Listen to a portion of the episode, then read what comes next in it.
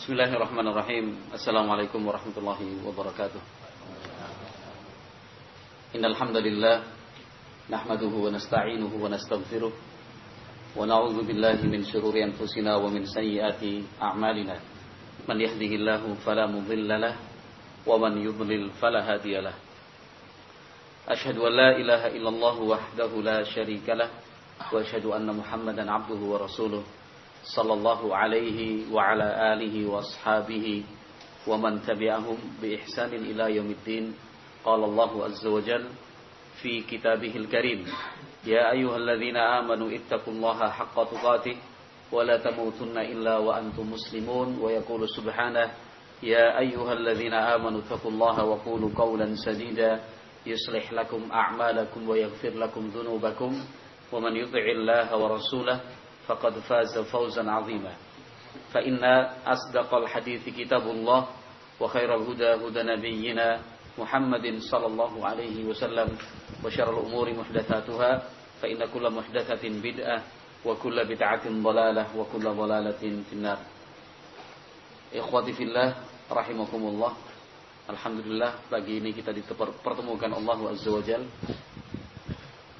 di sebuah lokasi yang telah kita tetapkan dan kita pilih sebagai salah satu pusat kegiatan dakwah ahlu sunnah, dakwah salafiyah di wilayah Tambun, Bekasi. Nah, mudah-mudahan Allah Subhanahu wa taala senantiasa memberikan dan mencurahkan untuk kita kesabaran di dalam uh, menjaga cita-cita yang mulia, cita-cita yang sejak dari awal memang sudah kita pilih sebagai jalan hidup kita, yaitu cita-cita dakwah as-salafiyah. Ikhwati fillah, rahimakumullah. Semua cerita dan kisah yang disebutkan Allah di dalam Al-Qur'anil Karim adalah cerita dan kisah yang akan selalu mempunyai relevansi dengan kondisi keumatan. Karena ayat-ayat Allah di dalam Al-Quran itu tidak uh, tidak sempit dan tidak terbatas dengan waktu tertentu. Nah, jadi semua cerita dan kisah yang dimulai dari surat Al-Baqarah misalkan, yang Allah Subhanahu Wa Taala sebutkan di sana tentang uh, dimulai dari proses penciptaan Adam alaihi salatu Terus kita baca surat Al-Baqarah sama kemudian surat An-Nas sebagai surat terakhir di dalam Al-Quran itu ada sekian puluh cerita dan kisah. Nah, bahkan sekian ratus cerita dan kisah. Terutama terkait dengan para nabi dan para rasul alaihi wassalatu wassalam. Maka sekali lagi saya ulang bahwa cerita dan kisah-kisah tersebut pasti selalu memiliki dan mempunyai relevansi hubungan dengan kondisi keumatan sekarang ini dan yang akan datang. Walaupun cerita dan kisah itu sudah terjadi ribuan tahun yang lalu. Kita bisa memastikan bahwa cerita dan kisah itu sudah terjadi ribuan tahun yang lalu. Dari mana? Misalkan Nabi Nuh alaihi salatu wasallam sendiri yang Allah sebutkan dalam Al-Quran. Beliau berdakwah menyampaikan ajaran Allah Azza wa Jal, Tauhidullah Jalla wa ala kepada umatnya. Nabi Nuh saja al-fasanatin illa khamsina amal. Itu seribu tahun kurangi 50 berarti 950 tahun. Itu Nabi Nuh saja. Sudah seribu tahun. Jarak antara Nabi Adam dengan Nabi Nuh alaihi salatu wasallam panjang dari Nabi Nuh alaihi salatu wasallam sampai kepada Nabi kita Muhammad. Sehingga bisa kita pastikan bahwa cerita dan kisah itu sudah ribuan tahun yang lalu. Tetapi kembali saya ulang, pada tiap-tiap kisah itu pasti mempunyai hubungan dan relevansi dengan kondisi keumatan sekarang ini, termasuk kita. Nah, termasuk kita. Oleh sebab itu, anjuran untuk sesering mungkin membaca Al-Quran itu bukan anjuran tanpa makna. kita diperintahkan Allah Jalla wa'ala untuk terus membaca Al-Quran guna mempelajari serta membaca ulang dan berulang-ulang setiap kisah yang disebutkan Allah di dalam Al-Quranil Karim. Itu ada sekian banyak ayat dalam Al-Quran yang menganjurkan serta mengarahkan kita untuk hal yang demikian. Nah, jadi kalau ingin disimpulkan, ikhwati fillah barakallahu fikum, apa pun yang kita jalani sekarang di dalam berdakwah ilallahi jalla wa'ala apa pun situasi dan kondisinya, sebenarnya situasi dan kondisi itu sudah terjadi dan sudah dialami dan pernah dijalani oleh para nabi dan para rasul alaihi wassalam. Maka siapa pun dari kita yang menginginkan keberhasilan baik di dunia maupun di akhirat nanti harus dan mau tidak mau mempelajari serta meneladani seperti apakah para nabi dan para rasul alaihi wassalatu wassalam menjalani dakwah ilallah jalla wa'ala.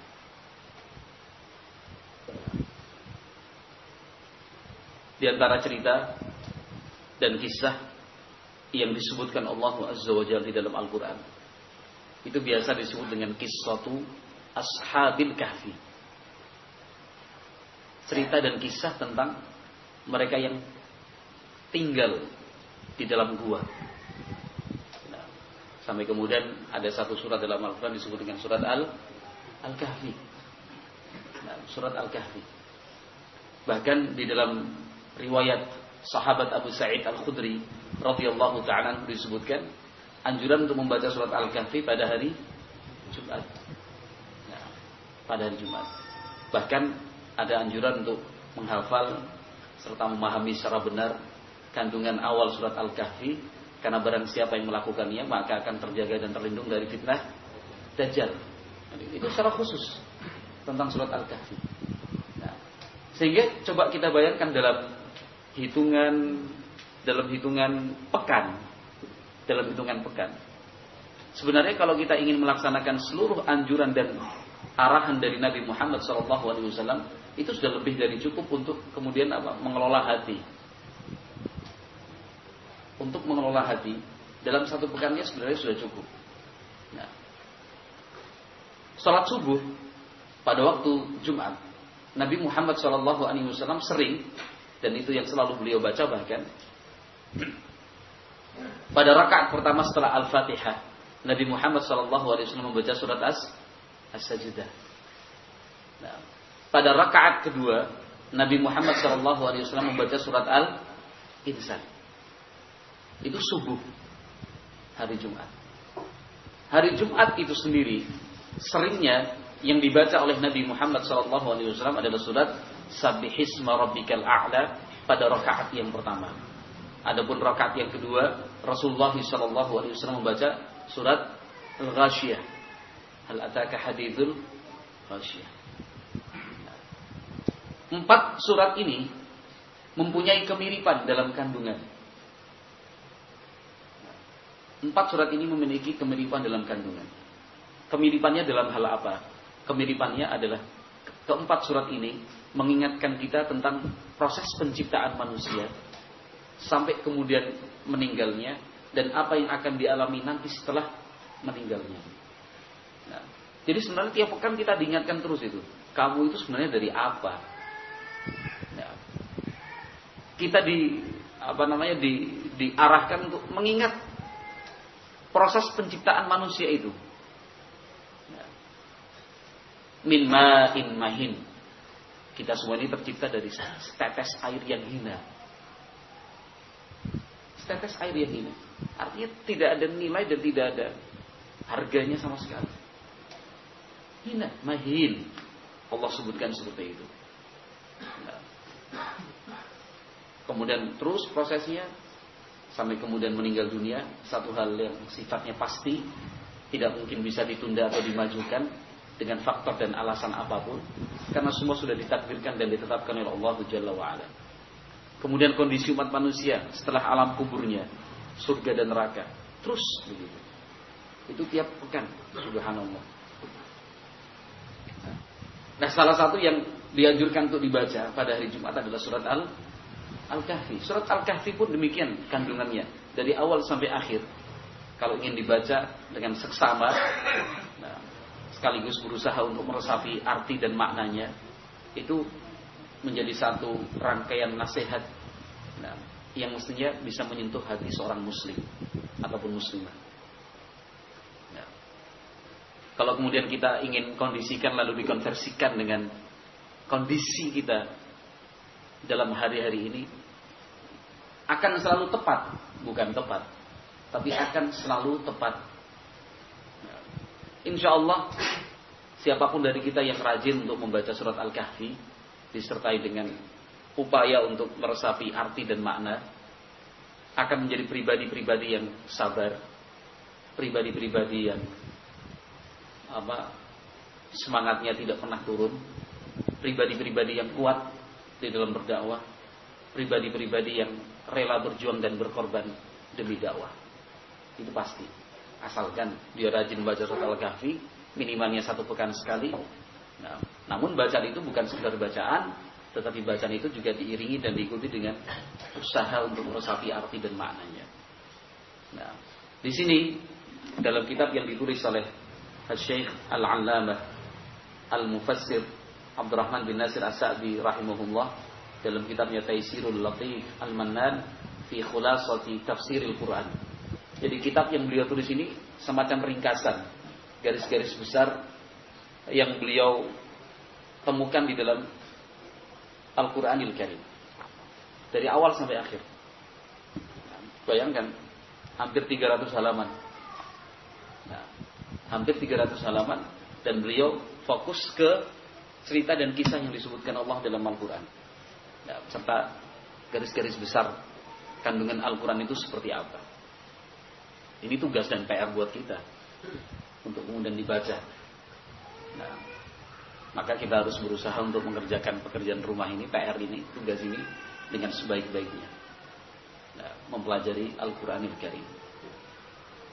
Di dalam kitab ini Al-Imam As-Sa'di rahimahullah taala menjelaskan siapa yang disebut dengan Ashabul Kahfi itu. Ashabul Kahfi itu adalah fityah. Sejumlah anak muda. Sejumlah anak muda. Dan kita semua yang hadir di sini masih terbilang muda. Siapa sih yang tua? Kalaupun ada yang rambutnya sudah beruban putih, jenggotnya sudah ber, ada yang rambut apa sudah berputih putih, tapi saya yakin masih menyisakan yang warna hitam. Artinya tidak seutuh dan tidak sepenuhnya putih kan. Pasti kayak Abu Muhammad ini kan muda. muda. Kalau kita ingin mengambil pengertian dari yang disebutkan oleh Imam Ibnul Jauzi rahimahullah, anak muda itu dalam sebutannya itu mereka yang mempunyai usia dengan maksimal 40 tahun. Ya katakan tidak semua kita masih muda. Tapi saya yakin rata-rata masih muda kalau di prosentase. Abu Azam berapa? 39 tuh. Hampir habis masa mudanya. Tapi tenang masih bisa diisi ulang. Bisa bisa diisi ulang karena apa namanya masa tenggangnya masih ada nih. Jadi Katakanlah, katakanlah secara bahasa dan secara fakta kita tidak lagi muda. Nah, kita tidak lagi muda. Tapi barakallahu fikum bukan kemudian kita merasa ah berarti kita nggak masuk deh cerita ashabul kahfi itu kan cerita anak-anak muda kita kan udah nggak muda lagi. Nah, itu juga pemikiran yang perlu diluruskan. Artinya jangan berpikir jangan berpikir pesimis dan minimalis seperti itu. Tapi cara berpikirnya, lah yang anak muda aja kayak gitu, masa yang tua enggak? Yang anak muda saja seperti itu, masa yang tua enggak? Yang muda saja semangat, kenapa orang tua tidak? Yang muda saja rela kok, masa yang orang tua tidak? Anak-anak muda yang semestinya dorongan nafsu, syahwat dunianya lebih besar, mereka mampu berusaha untuk mengekang dan mengendalikannya. Kenapa kita yang tua, yang tentu kadar syahwat nafsu duniawinya mestinya lebih turun, kenapa kita tidak bisa lebih baik daripada anak-anak muda? Begitu cara berpikirnya. Bukan wah itu kan anak muda. Beda dong dengan kita. Ashabul Kahfi itu kan sejumlah anak muda yang mendapatkan taufik dan ilham dari Allah Subhanahu wa taala menjadi orang-orang yang beriman. Kenal dan dekat dengan Allah Jalla wa ala. Serta mereka mampu tampil untuk mengingkari masyarakatnya. Karena budaya dan tradisi masyarakat mereka itu adalah budaya dan tradisi ibadatul auzan menyembah dan beribadah kepada patung berhala. Melaksanakan kesyirikan. Nah. anak-anak muda ini berani untuk bangkit. Di tengah-tengah kemajemukan umat saat itu. Mereka bangkit tidak sembunyi-sembunyi, mu'linin. Kalau bahasanya Imam As-Sa'di rahimahullah. Anak-anak muda ini bangkit mu'linin. Artinya kalau bahasa kita mendeklarasikan terang-terangan. Menjelaskan tentang apa yang mereka ketahui. Menyampaikan bahwasanya mereka adalah orang-orang yang beriman. Walaupun wajar sebagai batas manusiawi, ada rasa takut dan cemas kalau sewaktu-waktu masyarakat mereka yang seperti itu kemudian melakukan tindakan. Itu satu hal yang sifatnya manusiawi. Itu yang disebut dengan ashabul kahfi. Baru titik saja misalkan kita sampai di sini. Nah, coba sekarang kita bercermin pada diri sendiri yang tadi sejak awal saya katakan sebagai ada relevansinya hubungannya dengan kita sekarang secara kondisi keumatan. Nah. Allah Subhanahu wa taala menyampaikan dan menjelaskan kepada kita bahwa zaman dulu telah bangkit sejumlah anak muda untuk menyuarakan kebenaran. Untuk menyuarakan kebenaran. Secara jumlah mereka sedikit Secara jumlah mereka sedikit. Apalagi kalau ingin diprosentase dengan total masyarakat waktu itu. Hanya sekian persennya, 0, sekian persen anak-anak muda itu. Tetapi mereka berani dan semangat untuk menyuarakan kebenaran. Mereka juga berani dan tampil ke depan untuk menjelaskan yang salah adalah salah. Tentu dengan cara yang bijak dan hikmah, itu pasti. Yang ketiga, anak-anak muda yang disebut dengan ashabul kahfi itu dalam konteks usia sebenarnya sedang puncak-puncaknya terbawa oleh syahwat duniawi. Namun mereka mendapatkan taufik dari Allah Azza untuk kemudian mengendapkan syahwat duniawi itu justru tampil ke depan menyuarakan kebenaran. Pelajaran penting buat kita semua. Barakallahu fikum. Mestinya kita harus mencontoh mereka ashabul kahfi. Kita harus berani tampil untuk menyuarakan kebenaran. Kita harus tampil berani dan semangat untuk menjelaskan yang salah adalah salah. Dengan catatan penuh bijak dan hikmah. Yang ketiga, kita harus bisa meniru dan mau meniru dalam kungkungan syahwat duniawi di sekitar kita. Kita harus mampu untuk berusaha mengendapkan dan mengusir syahwat-syahwat duniawi itu. Di akhir zaman ini, masya Allah, dorongan syahwat duniawi itu begitu besar sekali. Bukan cuma dorongan, dorongan dan tarikan. Kita posisi dijepit, dikondisikan. Arusnya itu luar biasa. Nah, kalau ingin diupamakan dengan derasnya air, aliran air, ya sekarang seperti itu. Bayangkan misalkan sungai apa sungai Berantas, sungai Progo, sungai Ciliwung, ya, atau sungai-sungai besar lainnya, sungai Serayu,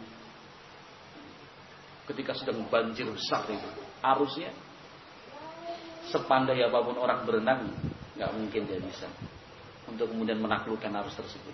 Terbawa. Ini dalam kondisi banjir besar ya, banjir besar. Ya seperti itu kondisi kita sekarang terkait dengan apa dorongan dan daya tarik dari syahwat duniawi. Kita sama sekali tidak berpikir awalnya dan tidak ingin, tapi dikondisikan. Dikondisikan. Misal sebagai contoh alat komunikasi di gadget atau apa namanya alat komunikasi yang semakin dari semakin canggih. Kita sama sekali nggak ada keinginan untuk apa namanya mohon maaf membuka membuka halaman yang apa yang vulgar begitu nggak ada. Cuma akhirnya ditawarkan tampil dengan sendirinya. Kita tidak ada niatan untuk membuka. Tapi ketika mengakses internet, akhirnya masuk itu. Tanpa kita inginkan, tanpa kita sadari. Nah, bahkan beberapa apa namanya beberapa hal nah, otomatis terdownload. Otomatis. Nah, ada satu dua kasus cekcok dan konflik antara suami dan istri seperti itu. Ya, dari suami juga dari istri sama kasusnya. Nah, jadi handphone yang dibawa suaminya atau handphone yang dibawa istrinya, nah ternyata di galerinya dibuka-buka sama suami dan istrinya sendiri, ternyata ditemukan gambar-gambar vulgar seperti itu. Wah, sudah marah itu. Padahal masya Allah keadaan seperti itu terdownload tanpa disadari. Terdownload itu tanpa disadari. Bisa nggak seperti itu? Hmm? Bisa nggak? Kemungkinan seperti itu ada nggak? Ada. Dan itu terjadi. Mestinya kan disikapi dengan tenang, dengan hati jernih. Sebentar, apa iya suami saya seperti ini? Apa mungkin istri saya seperti ini? Sebelum marah, sebelum emosi, ya, sebelum berprasangka buruk, kedepankan prasangka baik dulu. Mungkin nggak sengaja, barangkali terdownload secara otomatis kan begitu. Itu satu contoh kecil betapa dorongan syahwat duniawi ini besar. Nah, fala haula wala quwata illa billah. Lah mereka ashabul kahfi itu anak-anak muda anak-anak muda yang sedang puncak-puncaknya syahwat duniawi itu menggelora betul-betul menggelora tapi kita dituntun oleh Allah Subhanahu wa taala. Contoh mereka. Teladani mereka. Karena kisah Ashabul Kahfi dan kisah-kisah lainnya yang disebutkan Allah dalam Al-Qur'an itu bukan cuma kisah untuk sekedar dibaca kemudian kita nikmati. Oh, begitu. Oh, demikian. Oh, Ashabul Kahfi itu begitu. Bukan. Tapi harus dicerminkan pada diri kita sendiri. Lihat anak-anak muda yang sedang puncak idealisme syahwat duniawinya seperti itu. Mereka mampu untuk kemudian mengekang, mengendalikannya, bahkan mereka tampil ke depan melawan itu semua. Nah, dengan cara yang bijak dan hikmah, tentunya. Kita harus mampu mencontoh dan meneladani mereka. Jadi kalau kemudian ada yang mengatakan oh, itu kan ceritanya untuk anak-anak muda aja. Nah, cerita ini seringnya memang dibawakan ketika kita kumpul sama anak-anak muda. Kan gitu ya. Yang kita maksud anak-anak muda selama ini barangkali ya santri-santri usia misalkan 10 sampai 19 tahun atau barangkali 20, 23 tahun, 24, 25 tahun kita masukkan dan kita golongkan mereka sebagai anak-anak muda saat berjumpa dan bertemu dengan mereka kisah ini yang kita bawakan contoh ashabul kahfi anak-anak muda seperti ini anak muda seperti ini sampai kemudian terkadang bahkan seringnya kita lupa bahwa ada yang lebih penting dari itu semua terkait dengan kita yang merasa tidak muda lagi merasa tidak muda lagi. Seperti yang saya terangkan tadi, anak-anak muda yang sedang puncak-puncaknya syahwat duniawi itu menggelora, mereka mampu tampil. Mereka bisa mengenyampingkan syahwat duniawi itu demi syariat Allah Jalla wa'ala. Sebagai bentuk ketundukan dan ketaatan kepada Allah Subhanahu wa taala. Lalu kenapa kita tidak bisa? Lalu kenapa kita tidak bisa? mestinya harus lebih bisa. Insya Allah Taala. Lihat bagaimana komitmen mereka anak-anak muda ini. Qalu, Rabbana Rabbuna Rabbus samawati wal ardi lan nad'u min dunihi ilaha laqad qulna idzan syatata. Ini pernyataan tegas. Komitmen dari anak-anak muda itu. Tidak ditutup-tutupi memang. Mereka mengatakan Rob kami adalah Rob langit dan bumi. Kami tidak akan beribadah dan menyembah kepada selain Allah siapa pun dan apa pun itu. Kalau kami lakukan itu, artinya kami telah mengatakan sesuatu yang penuh kedustaan, kezaliman, dan tipu daya. Ini tegas mereka mengatakan. Tegas mereka mengatakan. Jadi kalau misalkan ada ajakan untuk kemudian mengakui kebenaran tiap-tiap agama yang kemudian kita sebut dengan pluralisme itu. Ya kita secara tegas menolak mengatakan oh tidak bisa. Kami sebagai umat Islam dididik untuk meyakini bahwasanya inna dina indallahi Islam. Sungguh agama yang diridhoi di sisi Allah hanyalah Islam. Kami umat Islam dididik oleh Al-Quran untuk meyakini wa man yabtaghi ghairal islami dinan falan yuqbala minhu wa huwa fil akhirati minal khasirin. Itu pendidikan kami, pendidikan umat Islam. Allah Subhanahu wa taala dalam Al-Qur'an mengatakan barang siapa mencari agama selain Islam falan yuqbala minhu, tidak akan diterima. Wa huwa fil akhirati minal khasirin dan dia termasuk orang yang merugi pada hari akhir nanti. Sampaikan dengan tegas. Nah, sampaikan dengan tegas. Nah, sehingga tidak ada kok umat Islam kemudian memberikan ucapan selamat hari raya, ucapan selamat, ucapan ikut merasakan bahagia ya, dengan upacara dan hari raya hari raya besar umat Katolik, umat Nasrani, Hindu dan Buddha. Bukan kemudian kita menginginkan apa namanya kerusuhan, bukan kemudian kita menginginkan instabilitas keamanan, bukan. Bedakan antara kita menolak untuk mengakui kebenaran agama mereka dengan kita ingin rusuh, beda. Kita tetap menghormati apa menghormati undang-undang dan hukum yang apa me, me, menekankan kepada kita untuk hidup secara aman, kondusif, nyaman. Itu pun kita dukung. Tapi bukan kemudian kebablasan. Nah, tegas mengatakan, Rabbuna Rabbus samawati wal ardi lan nad'u min dunihi ilaha laqad kunna idzan syatata. Sama juga dengan komitmen dan pernyataan tegas dari kita untuk mencintai dan mengamalkan sunnah Rasulullah Sallallahu Alaihi Wasallam. Tidak malu, tidak sungkan, tidak kecil hati untuk menjelaskan sikap ittiba kepada sunnah Rasulullah Sallallahu Alaihi Wasallam. Kita semua harus yakin bahwa siapa pun yang memiliki prinsip kuat dan prinsip itu dibangun di atas dalil dasar hukum yang benar dan kuat pula, lalu dia pertahankan prinsip itu, siapa pun pasti akan segan kok kepada dia. Tapi kalau dari awal kita sudah tidak memegang prinsip itu, ya kita tidak akan begitu dihargai oleh orang. Nah, dalam praktek seharian demikian. Nah, maka abu alaiha bin nawajid Nabi Muhammad SAW berpesan, gigit-gigit secara kuatlah sunnah Nabi dengan gigi gerahammu. Pegang kuat-kuat, jangan sampai lepas. Nah, barakallahu fikum. Jangan sampai lepas. Sekarang misalkan barakallahu fikum tentang praktek sholat. Ya. Tentang praktek sholat. Profesi dan uh, pekerjaan kita dalam waktu tertentu itu dihadapkan dengan kepentingan kita untuk melaksanakan sholat.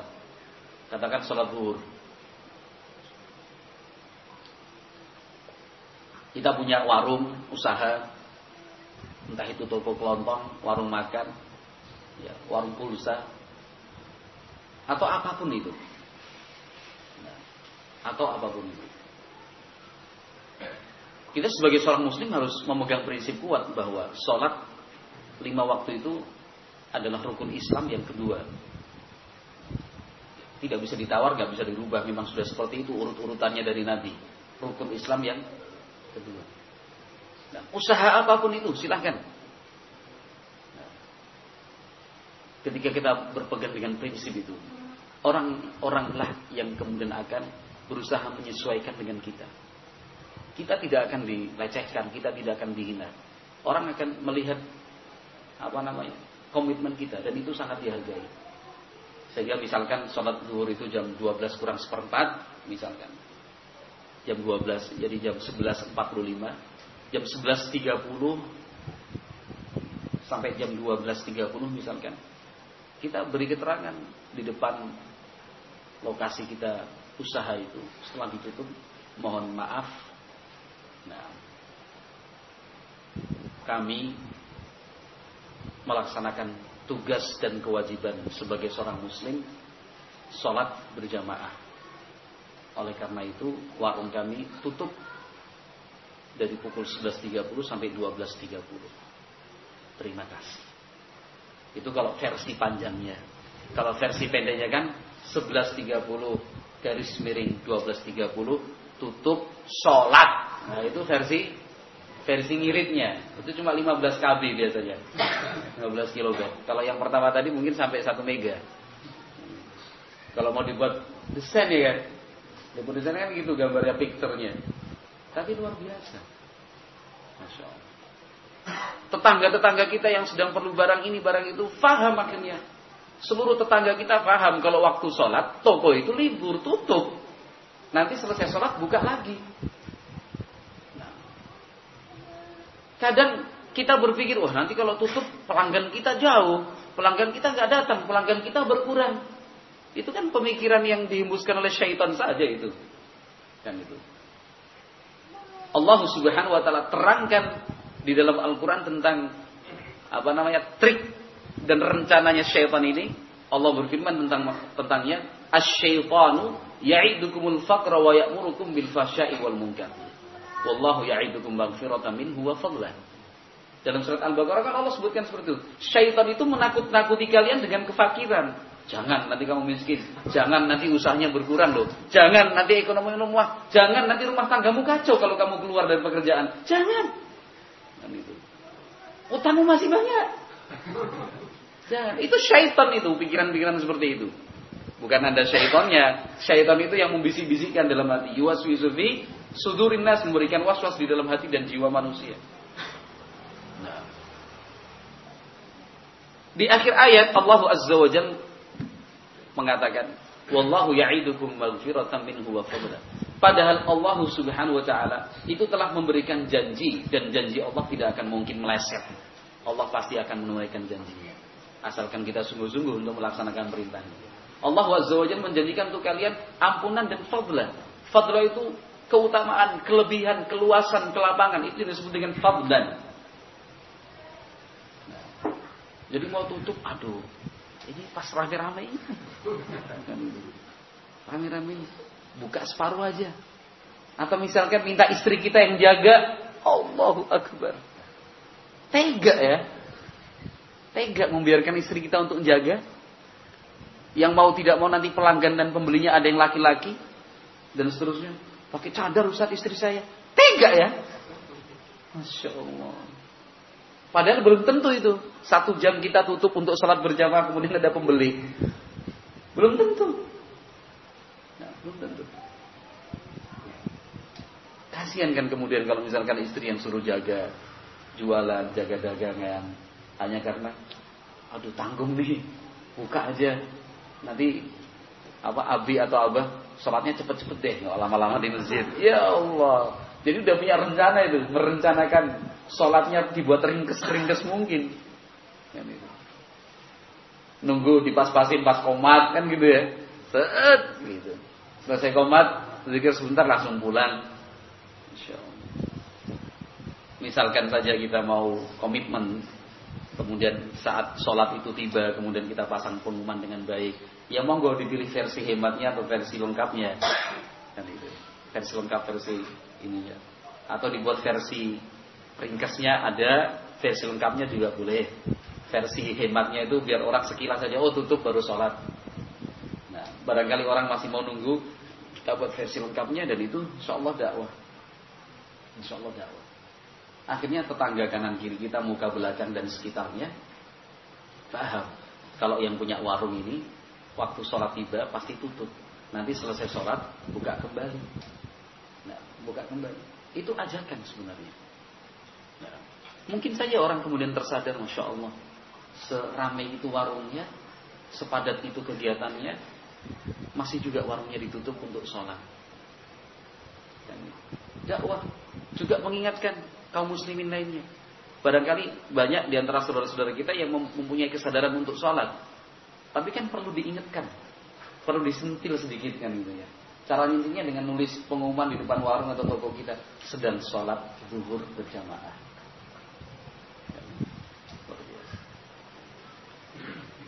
Ini kan terkait dengan komitmen. Kita harus berani. Tidak usah takut, tidak usah sungkan. Mereka para pengusung dan apa pengibar bendera kebatilan, kesesatan bahkan sampai pada tingkatan kekufuran. Mereka aja berani kok tampil di media massa, ya, tampil di depan publik untuk menjajakan atau apa namanya menawarkan paham-paham sesatnya. Kenapa kita yang yakin di atas kebenaran karena berdasarkan Al-Quran dan Sunnah Nabi serta bimbingan para ulama kemudian takut untuk kemudian tampil. La haula wa la quwata illa billah. Contohlah ashabul anak-anak muda. Nah. Taib. Al-Imam As-Sa'di melanjutkan. Anak-anak muda yang kemudian akhirnya sepakat untuk komitmen di atas ajaran Allah Jalla wa'ala. Anak-anak muda yang memiliki semangat untuk memegang teguh komitmen mereka. Tidak mengikuti arus masyarakat yang tradisi dan budayanya adalah menyembah kepada patung berhala. Nah, akhirnya mereka sadar. Wa'arafu annahum la yumkinuhum izharu dzalika liqaumihim.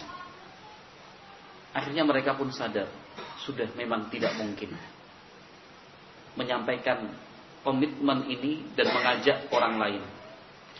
Artinya susah untuk survive itu mereka mengatakan mereka meyakini itu sudah layung kinu nggak mungkin.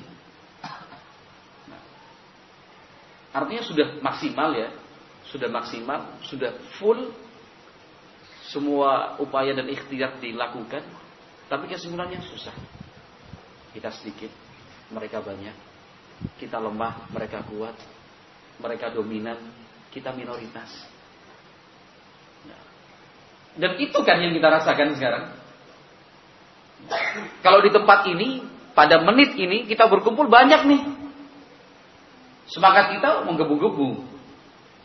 Komitmen kita untuk dipegang sedang kuat-kuatnya. Kenapa? Teman kita banyak. Coba nanti setelah kita pisah, yang satu balik ke RT-nya, yang sana balik ke kampungnya, yang sana tempat kerjanya, dia merasa sendiri, udah mulai goyang tuh. Nah, karena godaannya memang kuat dan besar. Arusnya itu deras. Arusnya deras. Itu yang kita rasakan barakallahu fikum. Jangankan orang per orang saat kita sudah terpisah satu-satu, sedangkan kita saat berkumpul seperti ini saja, kita masih merasa kecil, masih merasa tidak mampu, tidak bisa. Ya, kita pun yakin orang yang tidak suka itu terus bertambah. Ya. Lalu langkah apa yang harus kita lakukan? Langkah yang harus kita lakukan, marilah kita tiru dan kita contoh Ashabul Kahfi itu. As-Sa'di menjelaskan, Sa'alullah an yusahhila amrahum. Akhirnya mereka meminta, berdoa kepada Allah Subhanahu wa taala untuk memberi kemudahan Akhirnya mereka berdoa, Rabbana atina min ladunka rahmah wa hayyi' lana min amrina rasyada. Itu yang mereka minta. Ya Allah, curahkanlah untuk kami dari sisimu rahmat yang luas. Nah, dan berikanlah untuk kami dalam urusan kami ini petunjuk jalan yang terbaik itu apa dan bagaimana. Itu langkah pertamanya. Langkah yang sering kali kita posisikan di akhir bahkan.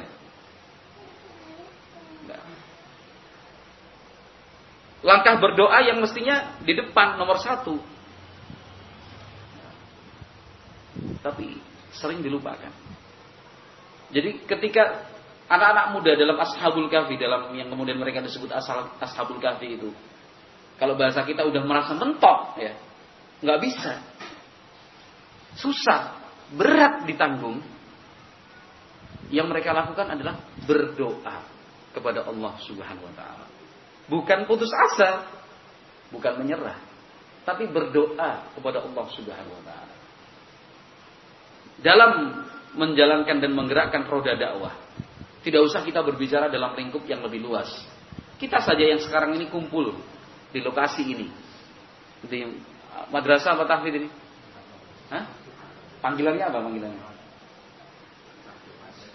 Madrasah Arroyan, tahfidz Arroyan kan Arroyan itu namanya itu. Apa Indomaret Aroyan? Apa namanya Bu Muhammad ini? Panggilannya loh. Apa? Madrasah tahfid. Tahfid madrasah, madrasah tahfid. Kan gitu. Tidak usah kita berbicara dengan lingkup yang lebih luas dari madrasah tahfid Ar-Rayyan ini. Cukup kita sekarang kita sempitkan lagi yang hadir sekarang ini. Yang hadir sekarang ini. Kita tidak tidak tidak berpikir untuk melibatkan Eh, teman-teman dan saudara-saudara kita yang pagi ini tidak hadir. Sekarang ini saja. Ada mungkin 34 40 orang sekarang yang hadir. Nah, coba seandainya ini andai loh ya, andai. Anda-anda jangan tersinggung. Ini andai tiap malam di sepertiga malam yang terakhir kita semua sendiri-sendiri di rumah berdoa meminta kepada Allah Subhanahu wa taala untuk diberi jalan keluar dalam menjalankan dakwah ini. Kira-kira hasilnya luar biasa apa enggak? Tapi bareng, jangan pimpinannya doang, jangan ustadznya aja. Semua berbuat dan berusaha sendiri-sendiri. Tapi bersama-sama. Sementara kita yakin bahwasanya Allah itu sami'ud du'a mujibud da'wat. Allah itu maha mendengar doa dan maha mengabulkan permintaan hambanya. Kita pun yakin dengan hadis qudsi firman Allah Azza yang disampaikan Nabi Muhammad SAW untuk mereka yang bangun di sepertiga malam terakhir berdoa Allah Azza wa mengatakan man yastaghfiruni fa'aghfiralah siapa pun yang mau bangun di sepertiga malam terakhir meminta ampunan kepadaku pasti akan aku ampuni wa man yad'uni fa'astajibalah yang berdoa kepadaku pasti aku kabulkan doanya Waman yas'aluni fa'u'tiyalah. Yang meminta kepadaku pasti aku penuhi permintaannya. Itu janji Allah untuk sepertiga malam yang terakhir. Sekali lagi tidak perlu diperluas lingkupnya, tapi untuk kita sekarang yang hadir di sini, baik ikhwan, akhwat, abah maupun ummahat. Nah, setiap malam gitu. Kita semua ini bangun ini. Bangun walaupun mungkin 15 menit, 20 menit. Kemudian kita berdoa untuk kemudahan dakwah ini. Ya Allah berkahilah dakwah kami Tambun. Ya Allah bukakanlah pintu hidayah untuk masyarakat kami di Tambun. Ya Allah lapangkanlah hati DKM masjid apa namanya? Masjid Raudhul Raudhatul Jannah bukakanlah pintu hidayah untuk DKI Rawdatul Jannah sehingga kami diizinkan menggunakan masjid itu untuk kegiatan taklim. Biasa. Tapi jangan satu-satu yang doa. Tapi tiap-tiap kita berdoa punya kesadaran seperti itu. Mempunyai kesadaran seperti itu. Kalau saya sendiri yakin Allah kabulkan itu. Yakin sekali. Buat apa kita ragu? Nah, rugi kalau kita ragu. Kalau kita yakin Allah Azza wa mengabulkan. Ada ruginya gak kita kalau dengan yakin seperti itu? Gak ada ruginya.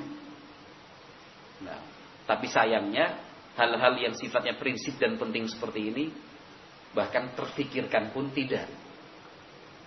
Bahkan terfikirkan pun tidak. Saya yakin sekali kalau kita semua bareng-bareng doa-doa. Jadi kalau misalkan ada anjuran berdoa ya ikhwan untuk keberlangsungan dakwah kita ya Allah.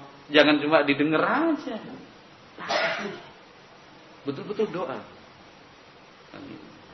Tetapi mohon maaf kalau tersinggung ya itu yang terbaik.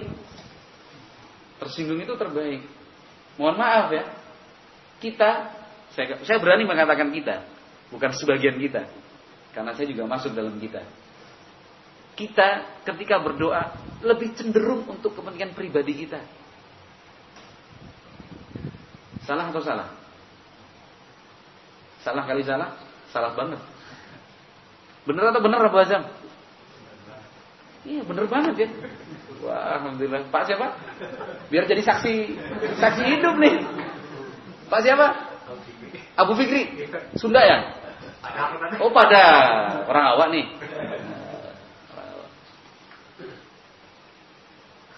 Jadi selama ini, selama ini kita kalau berdoa itu cenderung untuk kepentingan pribadi kita. Yang masih bujang doanya ya Allah, mudah-mudahan dapat jodoh, mudah-mudahan dapat jodoh. Itu kan pribadi itu. Yang sekian lama berumah tangga, Allah belum beri keturunan, ya Allah berikanlah keturunan untuk kami anak yang solehah, yang soleh dan solehah, ya Allah karunikan untuk kami. Yang punya utang, mohon maaf doanya ya Allah berikanlah jalan keluar untuk kami untuk melunasi utang-utang kami. Kan itu. Kalau misalkan belum punya rumah, ya Allah mudahkan kami untuk dapat kontrakan yang murah, tapi lengkap fasilitasnya luas, macam-macam kan itu. Tingkat dua, tapi yang penting yang murah ya Allah. Boleh nggak doa seperti itu? Boleh nggak? Boleh. Siapa yang melarang? Boleh silahkan. Jangan, wah ini main-main nih sama Allah. Tidak main-main. Itu asalkan kita serius boleh kok. Ya Allah rumahnya bagus tapi murah ya Allah. Monggo. Silahkan doa seperti itu. Ya Allah mudah-mudahan apa itu sakit saya sembuh. Apa ya Allah Mudah-mudahan Allah engkau beri keselamatan buat kami dalam perjalanan ini. Itu kan hal-hal yang cenderungnya ke arah pribadi. Arah pribadi. Tolonglah masukkan dalam rangkaian doa kita permintaan yang kaitannya dengan dakwah. Masukkan dalam doa-doa panjenengan semua. Nah, jadi tidak egois mikirkan saya, saya, aku, keluargaku, aku, keluarga enggak. Minimalnya kita berusaha lah ikut andil dengan doa. Seperti yang saya contohkan tadi. Coba sekarang kita bayangkan, masing-masing kita semua mempunyai kesadaran untuk memikul tanggung jawab dakwah ini. Tidak perlu kita menyempitkan beban tanggung jawab dakwah itu dengan infak dan harta.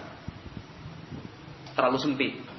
Nah, tapi sebatas kemampuan kita, saya yakin kalau cuma berdoa apa sih, apa ada yang nggak merasa nggak mampu? Saya nggak bisa Ustaz kalau ngomong. ngomong kok nggak bisa ngomong kan itu. Nggak bisa ngomong gimana? Setiap hari ngomong kok. Orang yang bisu aja bisa berdoa kok. Bisa nggak orang bisu berdoa? Bisa dengan hatinya. Kok bingung? Coba kita praktek lah, kita praktek semua kita ini. Terutama yang orang tua orang tua yang punya anak di sini misalkan. Karena tanggung jawabnya lebih besar lagi. Karena sudah berkaitan secara langsung. Bersentuhan secara langsung. Nah, tiap malam berdoa ya Allah. Seperti yang saya contohkan tadi ya. Berkahilah dakwah kami di Tambun. Ya Allah berikanlah keikhlasan kami dalam berdakwah. Ya Allah jagalah ustadz-ustadz pembimbing kami. Ya Allah jadikanlah anak-anak kami anak-anak soleh dan solehah salafiyin generasi penerus yang terbaik Ya Allah, bukakanlah pintu hidayah untuk masyarakat kami. Nah, di sekitar kami. Pengurus DKM-nya biar kami bisa menggunakan masjid dengan fasilitasnya dengan taklim untuk taklim. Coba bareng-bareng. Saya yakin, saya ulang kembali, saya yakin Allah pasti mengabulkan. Tapi benar kata yang disebutkan Umar Ibn Khattab radhiyallahu taala sadaqah radhiyallahu anhu. Beliau benar radhiyallahu anhu. Umar bin Al-Khattab pernah mengatakan, saya tidak pernah ragu Allah mengabulkan doa hambanya. Tapi yang saya takutkan adalah rasa ingin berdoa itu yang hilang. Kalau doa hamba itu mau doa, Allah kabulkan. Umar bin Khattab yakin itu. Tapi yang jadi pertanyaan, mau nggak kita doa? Kan mau mau nggak kita? Kita doa. Allah Azza wa Jalla berfirman, "Wa idza sa'alaka 'ibadi 'anni fa inni qaribun ujibu da'watad da'i idza da'ani." Allah berfirman dalam surat Al-Baqarah, apabila mereka bertanya kepadamu ya Muhammad tentang diriku, jawab, sampaikan kepada mereka, "Inni qarib." Sungguh diriku itu dekat sekali. dengan kalian, dengan kita. Uji budak watad da'i idza da'ani. Saya akan diriku, aku kata Allah Azza Aku akan mengabulkan doa dari setiap hamba yang mau berdoa. Jadi doa kalau kita panjatkan itu pasti dikabulkan. Nah, pasti dikabulkan. Kalau terkait dengan dakwah tadi begitu. Tolonglah titip ya. Ini permintaan saya ini atas nama pribadi dan atas nama dakwah juga. Saya minta tolong kepada panjenengan semua, Anda Anda semua yang ada di sini, tolong juga sampaikan kepada yang lain yang belum hadir. Nah, tolong sekali. Saya titip masukkan doa tentang dakwah kita ini ke dalam rangkaian yang kita panjatkan kepada Allah SWT. Tolong bantu betul-betul dengan doa. Bantu dengan doa. Kalau misalkan kita tidak bisa dengan lingkup yang luas seluruh Indonesia nyebut nama Ustadz satu-satu berat misalkan. Nyebut satu-satu program dakwah di semua daerah berat. Minimalnya buat antum sendiri di sini. Itu minimalnya. Di Tambun Bekasi ini. Barakallahu fikum. Lihat para pemuda ashabul kahfi tadi. Nah, akhirnya mereka menyerahkan sepenuhnya kepada Allah Subhanahu wa taala, "Wa lana min amrina rasyada."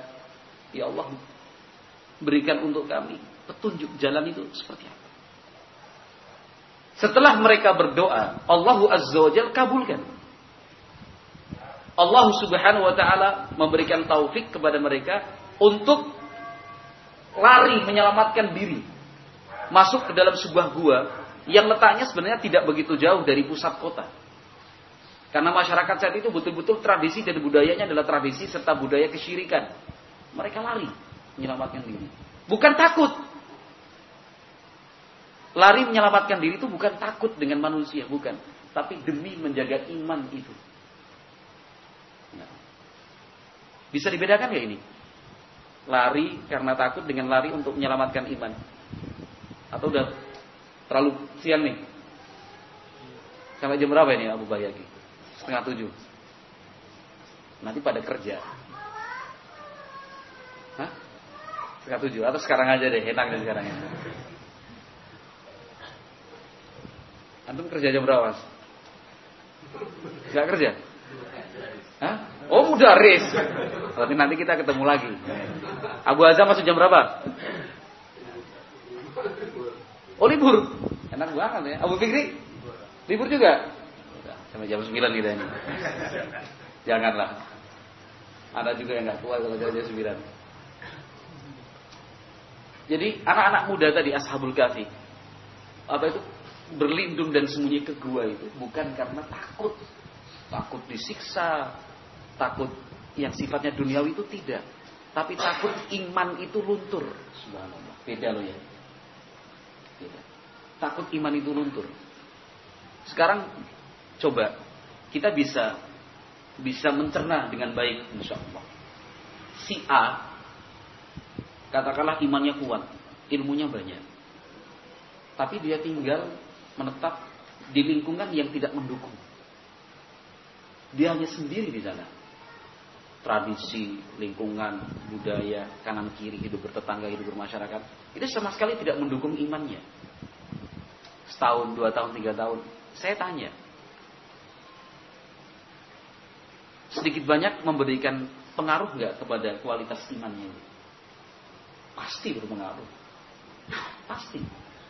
Karena lingkungan itu memberikan pengaruh. Kemudian teman dekat itu memberikan pengaruh tetangga pun seperti itu. Kalau misalkan dia selamat, istri dan anak-anaknya gimana? Pasti pengaruh juga.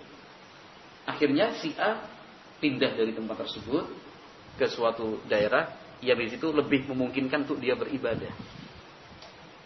Si A ini bahasanya lari menyelamatkan agamanya. Bukan karena takut untuk kemudian dipukul, dibunuh, dipenjara, diusir, dibakar rumahnya enggak.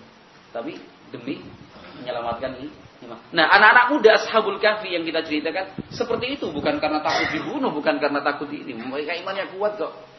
Justru yang mereka khawatirkan iman itu lun luntur dikit dikit dikit. Akhirnya Allah Azza wa Jalla memberikan taufik untuk mereka ke sebuah gua. Nah, Al-Sa'di membahasakan yassarahullahu ghayatat taisir. Allah Subhanahu wa taala betul-betul memberikan kemudahan buat mereka. Nah, jadi gua itu digambarkan wasi'ul fajwah. Ruangannya luas. Babuhu nahwas shimal la tadkhuluhu syams. Pintu guanya itu menghadap utara. Utara mana? Betul kan ya? Pintu gua itu pintu masuknya mengarah utara. La tadkhuluhu syams. Sehingga cahaya matahari tidak langsung masuk ke sana. La fi tulu'iha wa la fi ghurubiha. Ketika matahari terbit, matahari tenggelam, cahaya itu tidak langsung masuk. Walaupun demikian, tetap ada lubangnya. Sehingga matahari sinar itu bisa tetap masuk tapi luar biasa. Kalau kita bahasakan apa namanya? Pencahayaan itu Masya Allah. Rahmah dan hidayah dari Allah subhanahu wa ta'ala. Fanamu fi kahfihim bihifzillah wa riayatihi thalatha mi'ati sinin wazdadu tis'a. Mereka di situ tinggal hidup tidak mati selama 309 tahun. 309 tahun itu bukan apa namanya bukan waktu yang sedikit. 309 tahun. Mereka ditidurkan oleh Allah di sana. Allah maha mampu. Allah subhanahu wa ta'ala menjaga mereka sehingga fisik mereka tidak ada yang rusak sama sekali. Allah azza wa jalla menyatakan wa nuqallibuhum dzatal yamin wa dzatal shimal Allah Azza wa Jalla membolak-balikkan mereka ke kanan, ke kiri. Jadi bukan kemudian tidur gini enggak. Tapi betul-betul tidur. Jadi kadang balik kanan, kadang balik kiri. Jadi posisi tubuh dan fisik mereka itu tetap terjaga. Wa dzalika li alla yablal ard ajsadahum. Itu kenapa kanan kiri kanan kiri sehingga tanah itu tidak merusak tubuh mereka. Ini kan luar biasa kebesaran Allah Subhanahu wa taala. Keagungan Allah, tanda dan, dan buktinya itu sudah betul-betul ada. Nah, keagungan dan kebesaran Allah Azza wa itu bisa saja kita raih. Bisa. Bisa kita raih. Asalkan kita mau mengikuti jejak mereka. Maka kita ulang kembali bahwa cerita-cerita seperti ini disebutkan dalam Al-Quran bukan cuma untuk di, dengar dan dinikmati saja bukan, tapi kemudian kita diminta untuk meniru dan mencontoh. Nah, meniru dan mencontoh. Itu kan luar biasa. 309 tahun loh. Nah, di dalam dua. Nah, kalau kembali kepada kita, barakallahu fikum. Kembali kepada kita. Ini sebagai satu contoh saja ya. Satu contoh saja. Betapa luas keagungan dan betapa besarnya apa namanya rahmat Allah Azza wa Jalla. Kalau misalkan kita mau mengikuti jejak mereka, pertama komitmen dengan agama. Ya. Ilmu yang sudah kita pelajari diamalkan dengan semaksimal mungkin. Satu. Yang kedua, kita juga berdoa meminta kepada Allah Subhanahu wa taala yang keterangannya sedikit tadi telah saya sampaikan. Tapi tolong tidak sendiri-sendiri dalam arti bukan satu dua tiga dari kita, tapi bareng-bareng gitu. Tanggung jawab itu kita pikul bersama. Kita pikul bersama. Ini contoh saja. Tidak menutup kemungkinan. Orang yang selama ini kita kenal bencinya bukan main dengan kita. Akhirnya terbuka. Kemudian setelah sadar datang ke tempat kita. Menyatakan minta maaf. Kemudian menyatakan dukungan terhadap dakwah ini. Ini kan kebesaran dan keagungan Allah Subhanahu wa taala. Kita pengennya sih gitu, pengennya hasil akhirnya gitu. Tapi usaha dan langkah ke sana nggak mau ngelakuin ya nggak jadi-jadi kan itu. Pengennya ngegolin kan itu. Cuman nggak mau lari dari belakang, ini sama aja kapan golnya. Ini yang seneng futsal paham nih. Kalau kalau apa namanya uh, idealisme apa idealis apa uh, nilai idealis dari lamunan dan mimpi kita kan gitu kan itu. Mimpi aja ada idealisnya loh. mimpi yang dan lamunan serta hayalan kita yang idealis itu kan pengennya uh, orang yang paling benci sama kita tiba-tiba datang tuh apa apa Abu Bayaki saya mau ketemu sama bapak nih kapan ya waktunya? Awalnya garang orangnya kita kenal. Ini kok wajahnya udah lembut gitu sopan. Oh iya nanti malam bisa. Apa sekarang pak ya udah nanti malam aja biar enak. Saya mau datang sama istri keluarga ya akhirnya malam datang. Ini masih idealis impian loh ini. Belum nyata loh ini ya. Masih khayalan ini masih khayalan. Khayal datang ini Abu Hadi. Saya mohon maaf. Ternyata saya selama ini yang salah. Selama ini saya yang begini begini begini. Saya mohon maaf. Kemarin itu ada saudara saya ngasih majalah syariah gini segala macam. Saya baru sadar ternyata yang benar ya bapak dan teman-teman itulah yang ternyata luar biasa itu kan masih idealisme impi ada khayalan itu ya jadi seringnya kita itu berpikir hasil akhirnya itu pengennya hasil akhirnya enak ini itu tapi ikhtiarnya itu kita nggak mau ngelakuin. Padahal yang saya sebut idealis mimpi tadi kira-kira bisa nyata nggak itu kira-kira? Ya kenapa tidak? Allah itu maha mampu kok. Lihat para sahabat dulu. Orang yang paling benci dengan Islam aja akhirnya cintanya bukan main kepada Islam. Sebut siapa namanya? Dari Umar bin Khattab yang dulunya ketika masuk Islam itu karena ingin membunuh adiknya. Iya kan? Membunuh adiknya membunuh adiknya. Sebelum sebelumnya ingin membunuh Rasulullah, tapi kan akhirnya berubah arah ingin bunuh adiknya. Kenapa kamu membunuh Muhammad? Adikmu sendiri sana itu udah udah masuk Islam tuh. Apa? Kan itu. Yang pengen dibunuh sebenarnya kan adiknya itu. Sudah bawa pedang. Nah, ini musuh Islam. Khalid ibn Walid. Bayangkan kalau kita apa membaca kejahatan tanda kutip beliau sebelum masuk Islam. Luar biasa. Kejadian Uhud itu sudah. Nah, kerugian umat Islam itu kan penyebabnya karena Khalid bin Walid cerdas. Yang itu komandan pasukan berkuda waktu itu yang melihat celah gunung apa gunung itu kosong diambil. Abu Sufyan bin Harb panglima perangnya orang musyrikin dalam setiap kali pertempuran. Ikrimah bin Abu Jahal yang dikatakan oleh Nabi alaihi wasallam di mana pun kalian temukan dia bunuh pokoknya ketika Fathu Mekah Ikrimah bin Abu Jahal. Amr ibn As. Suhaib bin Amr. Ini tokoh-tokoh kekafiran semua ini. Yang pentingnya luar biasa kepada Islam. Bukan cuma ngomong doang. Bukan cuma omdo. Tapi sudah dalam di apa diungkapkan dalam bentuk fisik. Akhirnya Allah berikan hidayah masuk Islam. Gak? Masuk Islam. Lah apa lagi ini? Sebenarnya saudara kita kaum muslimin mungkin karena jahil, tidak paham, tidak ngerti, ikut-ikutan doang, dapat informasi yang salah tentang kita. Apalagi sikap kita yang terlalu kaku, kelop deh. Iya kan? Orang bilang, pak jangan deket-deket sama salafi. Kenapa? Kaku. Yang diajak omong disalamin cuma kelompoknya sendiri. Kalau bukan kelompoknya, coba lihat tuh. Nengok aja enggak, apalagi salam. Eh bener kata dia. Bener juga ya. Itu yang bisa tuh kalau ketemu juga enggak salah, enggak pengen jabatan tangan. Masya Allah. Di masjid kita, mereka kaum muslimin selesai sholat zikir berjamaah, selesai jabatan tangan kanan kiri selesai sholat, sallallahu ala Muhammad sallallahu.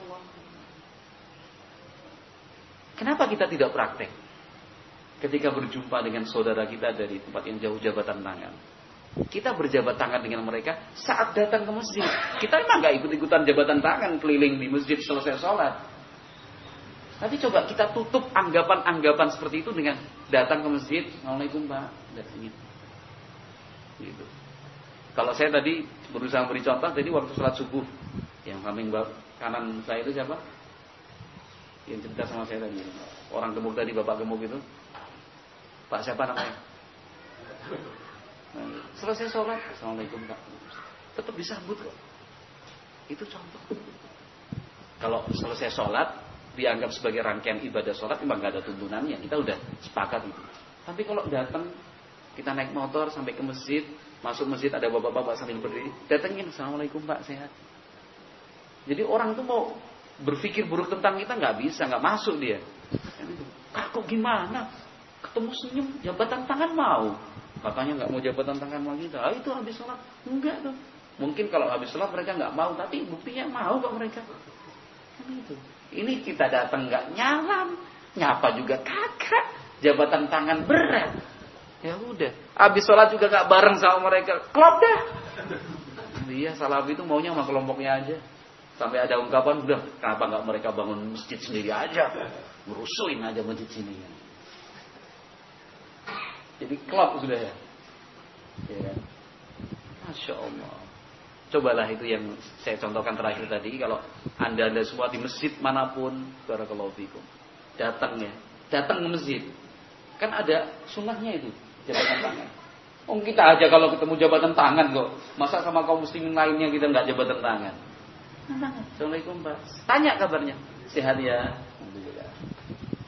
Atau kata-kata yang ada unsur advisnya. Wah, wajahnya sedang senang nih Pak. Mudah-mudahan rezekinya lancar.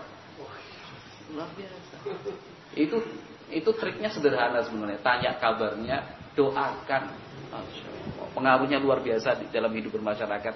Pengaruhnya luar biasa untuk penyebaran dakwah kita pengaruhnya luar biasa untuk menciptakan image positif tentang dakwah kita. Ingat baik-baik. Sapa, doakan. Nah, saya nggak pengen cerita diri sendiri, tapi itu yang saya lakukan selama ini. Siapa saja. Kenapa? Karena memang kenyataannya masyarakat kita itu mayoritas awam statusnya. Nggak ngerti. Karena ikut-ikutan. Nggak paham. Karena kena provokasi. Karena dapat informasi yang salah tentang kita. Kita yang berusaha mencairkan itu tugas kita. Bukan kemudian kita sikapin ganti. Ini dia nggak paham kok. Nggak ngerti. Buktinya apa? Ketika diberi pengertian, oh gitu ya mas, berarti saya selama ini salah, keliru. Datang di masjid, ajak salam, jabatan tangan.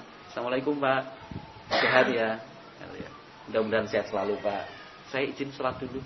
Kan gitu, oh ya monggo monggo. Kan karena izin apa, komandan enggak, pimpinan juga enggak, izin-izin segala. Itu kan apa namanya norma kesopanan kita sebenarnya yang kita anut di masyarakat. Juga gak ada masalah kok nggak ada salahnya kita kemudian selesai. Assalamualaikum pak. Sehat. Mudah-mudahan bapak sehat selalu dengan sekeluarga semuanya dalam lindungan Allah subhanahu wa taala. Oh iya terima kasih mas. Izin saya mau sholat sunnah dulu ya sih coba kalau kita semua kayak gitu saya yakin tuh masyarakat langsung wah ini ada gerakan apa lagi nih gitu. ada gerakan apa lagi dari orang-orang sudah nih surganya ini kita mani gitu haula wala quwata illa billah. Itu evaluasi lah buat kita ya. Evaluasi buat kita. Nah, sampai di mana ini? Ya, begitulah. Selama 309 tahun. Nah, jadi mereka kemudian Allah beri keagungan dan tanda kebesarannya dengan di dalam gua selama 309 tahun lamanya. Itu badan tidak rusak sama sekali. Nah, tidak kurus, kering, karena selama 309 tahun nggak makan, minum, nggak dijaga oleh Allah Subhanahu Wa Taala. Makanya tadi saya katakan kalau kita cerminkan ke kita, asalkan kita bisa meneladani mereka dengan sepenuhnya, artinya mempertegas komitmen kita di atas Al-Quran dan Sunnah, kita praktekkan dalam kehidupan sehari-hari.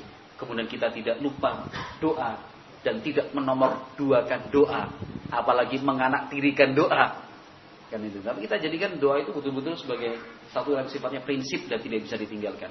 Maka yakinlah bahwa kebesaran dan keagungan Allah itu akan Allah perlihatkan untuk kita. Salah satunya apa? Kalau dalam idealis impian dan khayalan kita, orang yang paling benci akhirnya mendukung kita. Dan itu sudah banyak terjadi di banyak tempat. Alhamdulillah. Kenapa kita tidak ingin apa namanya merasakannya di sini, di Tambun di Bekasi ini? Kenapa tidak? Kan itu insya Allah taala. Jadi selama 309 tahun itu mereka di sana tinggal dan hidup di dalam gua tersebut sampai kemudian selesai 309 tahun Allah Azza membangunkan mereka. Liyatasa alubainahum sehingga mereka saling bertanya. Faqala qa'il minhum kam labithtum qalu labithna yawman aw ba'dha yawm. Ketika mereka bangun satu sama lain, "Eh, udah berapa lama nih tidur di sini?" Ah, paling setengah hari. Enggak, ini sudah satu hari kita tidur di sini. Udah gini aja. Nah, Allah Azza wa yang lebih tahu, yang lebih memiliki ilmu tentang berapa lama kalian tinggal di sini. Sekarang kita utus siapa? Satu dari kita bawa uang untuk beli bahan makanan ke pusat kota. Akhirnya satu dari mereka berangkat membawa uang yang mereka apa yang mereka siapkan sebelumnya menyamar sembunyi-sembunyi. Sembunyi-sembunyi untuk beli makanan. Penjual makanannya kaget, loh, kok uang ini masih ada? Karena tahunnya, bentuknya, kualitasnya bukan mata uang yang berlaku sekarang ini. Kayak orang sekarang beli misalkan permen satu biji katakan 500 rupiah. Dia bayarnya pakai uang merah gambar kapal pinisi 5 lembar kan itu ya. Uang seratusan kan ya? Kan itu. Atau misalkan permen dua biji kan 1000. Dia bayarnya pakai uang 500 yang gambar mohon maaf gambar kera itu. Uh, kok uang ini dipakai beli kamu ini? Orang mana kamu ini?